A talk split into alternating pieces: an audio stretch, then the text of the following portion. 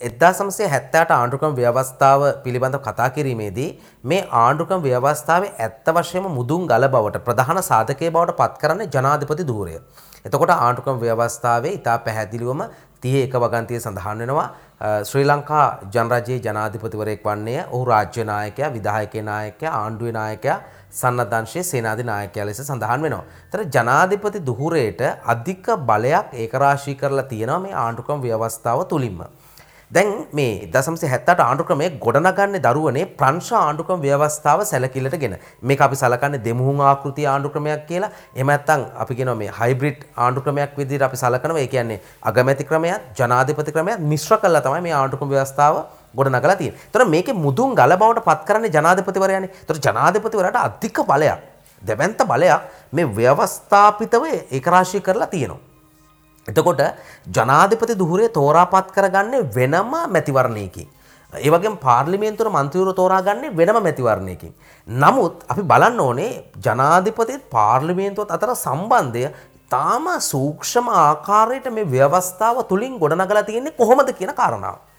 දැන් ඊටාම පැහැදිලිවම ජනාධිපති දුහුරය අධික බලතල තියෙන මේ ජනාධිපති දුහුරය පාර්ලිමේන්තුවත් එක්ක සම්බන්ධ කරලා තියෙන ආකාරය මනා ලෙස පැහැදිලි වෙනවා මේ ක්‍රියාකාරීත්වය විමසන විට. ඒ කියන්නේ පාර්ලිමේන්තුව කැඳවීම, කල්තැබීම, විසිරුවා හැරීම සිදු කරන්නේ ජනාධිපතිවරයා. ඒ වගේම පාර්ලිමේන්තුවේ එක් එක් සැසිවාරය ආරම්භ කිරීම ඊළඟට ඊළඟ සැසිවාරයට දින නියම කිරීම මේ සියල්ල සිදු කරන්නේ ජනාධිපතිවරයා විසින්. එතකොට 1978 ආණ්ඩුක්‍රම ව්‍යවස්ථාවේ ඒ කියන්නේ 19 වන සංශෝධනයට පෙර ආතුව 19 වන සංශෝධනයට පෙර ආතුව ජනාධිපතිවරයාට පුළුවන් පාර්ලිමේන්තුව රැස් වී වසරක් ගිය පසු තම අභිමතයේ පරිදි පාර්ලිමේන්තුව විසිරුව හැරීමේ බලය හිමි වෙනවා. නමුත් යම් හේකින් ජනාධිපතිවරයාට විරුද්ධව දෝෂාභියෝගයක් පාර්ලිමේන්තුවේ න්‍යාය පත්‍රයට ඇතුල් වෙලා තියෙනවා නම් ඔන්න ඔහුගේ අභිමතයේ පරිදි පාර්ලිමේන්තුව විසිරුව හරින්න බෑ. ඒ නිසා ඒ කාරණාව මනා ලෙස මතක තියාගන්න ඕනේ වෙනවා. කෙසේ වෙතත් දැන් දහනමන සංශෝධන තත්ත්වය මීට වඩා වෙනස් කළා අපි වෙනම සාකච්ඡා කරමු. දැන් ජනාධිපතිවරයාට අධික පුළුල් බලයක් මේ පාර්ලිමේන්තුව සම්බන්ධව තියෙනවා. එක පැත්තකින් පාර්ලිමේතු මංගල පාර්ලිමේන්තුව මුලසන හොබවන්නේ ජනාධිපතිවරයා. එක් එක් සැසිවාර ආරම්භයේදී පාර්ලිමේන්තුව ඇමතීම සිදු කරනවා ජනාධිපතිවරයා විසින්. ආණ්ඩුවේ ප්‍රතිපත්ති ප්‍රකාශය ඉදිරිපත් කරන්නේ ජනාධිපතිවරයා විසින්. ඒ කියන්නේ පාර්ලිමේන්තුවේ ඡන්දය භාවිතා කිරීමේ අයිතිය හැරුණු විට අන් සියලුම අයිතිවාසිකම් මන්ත්‍රීවරුන්ට තියෙන සියලුම වරප්‍රසාද ජනාධිපතිවරයා සතු වෙනවා. එතකොට ජනාධිපතිවරට පාර්ලිමේන්තුවට සහභාගී විය හැකි, සැසිවාරවලට සහභාගී විය හැකි, වාද විවාදවලට සහභාගී විය හැකි. එතකොට අදාළ විෂයභාරව අමාත්‍ය තමන් යටතේ අමාත්‍යංශය තියෙනවා. ඒ විෂයභාරව සාකච්ඡා කිරීම කරන්න පුළුවන්. පනත් කෙටුම්පත් ඉදිරිපත් කිරීම සිදු කරන්න පුළුවන් මේ සියලුම කාරණා ජනාධිපති දුහරේ වටා ඒකරාශී වෙලා තියෙනවා. ඊළඟට අමාත්‍ය මණ්ඩලයේ ප්‍රධානියා විදිහට පනත් කෙටුම්පත් වලට මුල පුරන්නේ ජනාධිපතිවරයා විසින්. ඒකත් සුවිශේෂී කාරණාවක් බවට පත් වෙනවා. එතකොට දැන් ජනාධිපතිවරයාට අධික බලයක් මේ පාර්ලිමේන්තුව සම්බන්ධව ඔහුට ඔහුට තියෙනවා. ඒක තමයි ප්‍රධානම කාරණාව බවට පත් වෙන්නේ. ඊළඟට ඒ වරප්‍රසාද ඒ පාර්ලිමේන්තු මන්ත්‍රීවරුන් සතු මුක්තින් මේ සියල්ලමත් ජනාධිපතිවරයා භුක්ති විඳිනවා.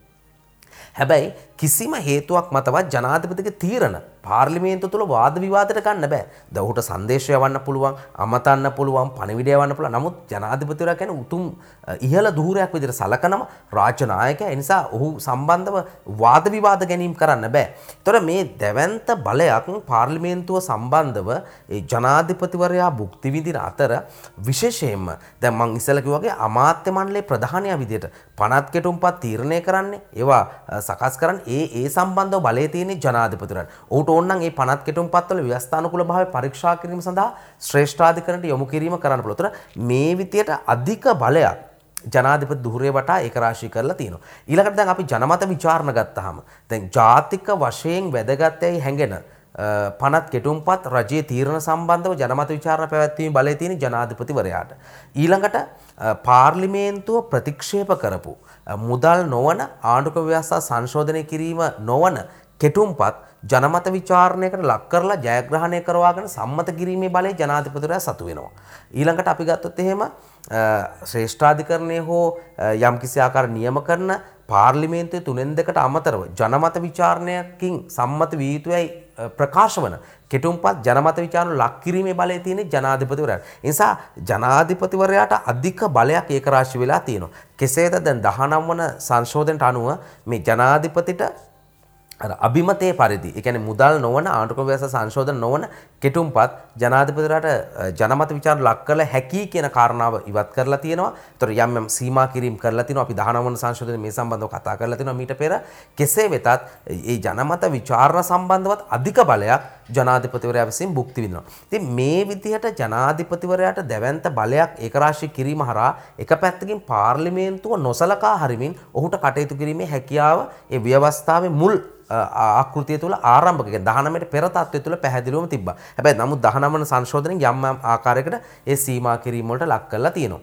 දැන් අනිත් පැත්තට අපි ගත්තාම ජනාධිපතිවරයා පැහැදිලිවම පාර්ලිමේන්තුවට වගකීමට බැඳිලා ඉන්නවා. ඒ වගේම 38 දෙක වගන්තියට ජනාධිපතිවරයාව දෝෂාභියෝග ක්‍රියාවලියකින් පාර්ලිමේන්තුවට ඉවත් කිරීමේ බලය තියෙනවා. නමුත් අපි පැහැදිලිව තේරුම් ගත යුතු කාරණාව තමයි ප්‍රධාන වශයෙන්ම ජනාධිපති ඉවත් කරන්නේ නම් පාර්ලිමේන්තුවේ තුනෙන් දෙකේ බලයක් අවශ්‍යයි.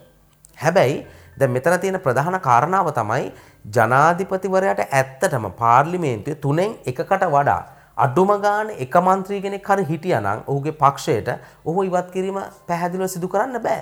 එතකොට ඒ ඒ තුළ පැහැදිලිව පිළිබිඹන කාරණාව තමයි ජනාධිපතිවරයාට පාර්ලිමේන්තුව Tamanට උවමනාකට හසුරුවා ගැනීමේ හැකියාව තියෙනවා. දැන් දෝෂාභියෝග යෝජනාවක් ඉදිරිපත් වුණාම විසිරුවා හරින්න බැරි බව ඇත්ත.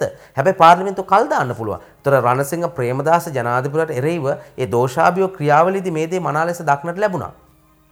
අනිත් පැත්තට දැන් ඔය ප්‍රධාන වශයෙන්ම ජනාධිපතිවරට සාමාන්‍ය කෙටුම්පතක් ජනමත විචාරණ ලක් කළ සම්මත කරවා ගැනීමේ අයිතිය හැකියාව දීලා තිබෙ ව්‍යවස්ථාවේ දැන් සමහර වෙලාවල් වලට ජනාධිපති එක පක්ෂයකිනුත් ඒ වගේම අගමැති ධූරය එහෙම නැත්නම් පාර්ලිමේන්තුවේ බහුතරය වෙනත් පක්ෂයකටත් ගියොත් සහාය සිරීම අවස්ථාවක් නැති වෙන්නේ. ඒ කියන්නේ ජනාධිපති එක පක්ෂයකින් හා අගමැති ඇතුළු කැබිනට් මණ්ඩලය තවත් පැත්තකින් පත් වෙන්නේ. දැන් අන්න එවැනි අවස්ථාවට ජනාධිපතිට අවශ්‍ය යම්කිසි යෝජනා සම්මතයක් ඒ කියන්නේ එහෙම නැත්නම් නීති සම්මතයක් කරගන්න තමයි එවැනි තත්ත්වයක් ඇති ඇති කළ තිබේ ආණ්ඩුක්‍රම ව්‍යවස්ථාවේ මුල් ආකෘතිය අනුව නැතන් දහනවන සංශෝධනයට පෙරාතුව.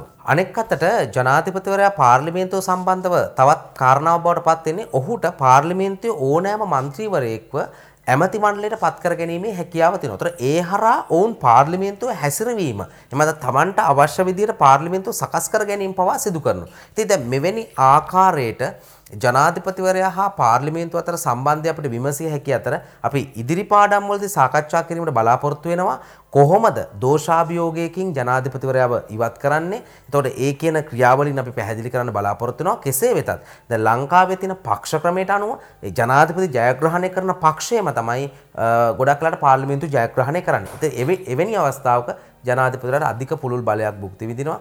ඒ වගේම ප්‍රධාන වශයෙන් අපි ගත්තොත් එimhe 1978 ආරම්භක කාලය වන විට ඒ කාලේ ඇති වුණු ආණ්ඩුවත් එක්ක 6න් 5ක බලයක් ඒ පාර්ලිමේන්තුව සතුව තිබ්බ එක්සත් ජාතික පක්ෂයට ඒ නිසා ජනාධිපතිවරයා අධික බලයක් භුක්ති විඳීම දක්නට ලැබුණා. ඒ වගේම බොහෝ ජනාධිපතිවරු විරුද්ධ පක්ෂයේ മന്ത്രിවරු තමන්ගේ පක්ෂයට ගෙන්වාගෙන ඔවුන්ට ඇමති දූර ලබා දීම හරහා පාර්ලිමේන්තුව තමන්ට උමනාකාරට හැසිරවීමත් ප්‍රධාන වශයෙන්ම මේ පසුගිය කාලවල දක්නට ලැබුණා. ඉතින් මෙවැනි ස්වභාවයක් තමයි තියෙන්නේ.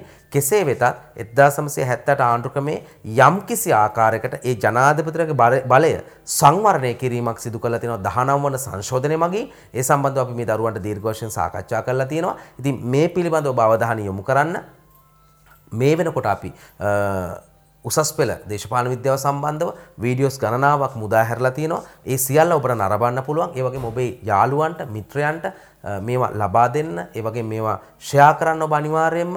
ඒ වගේම දැනටත් අපේ නාලිකාව ඔබ සබ්ස්ක්‍රයිබ් කරලා නැත්නම් සබ්ස්ක්‍රයිබ් කරලා අවශ්‍ය තොරතුරු ලද සැනින් ඔබ ලබා ගන්න. ඒ නිසා ඔබගේ අනාගතයට අපි සුබ පතනවා. හා අපිත් එක්ක දිගින් දිගටම එකතු වෙන්න හා මේ දැනුම රටේ හැමෝටම යවන්න කියන එකත් අපි පැහැදිලිව ඉල්ලා සිටිනවා.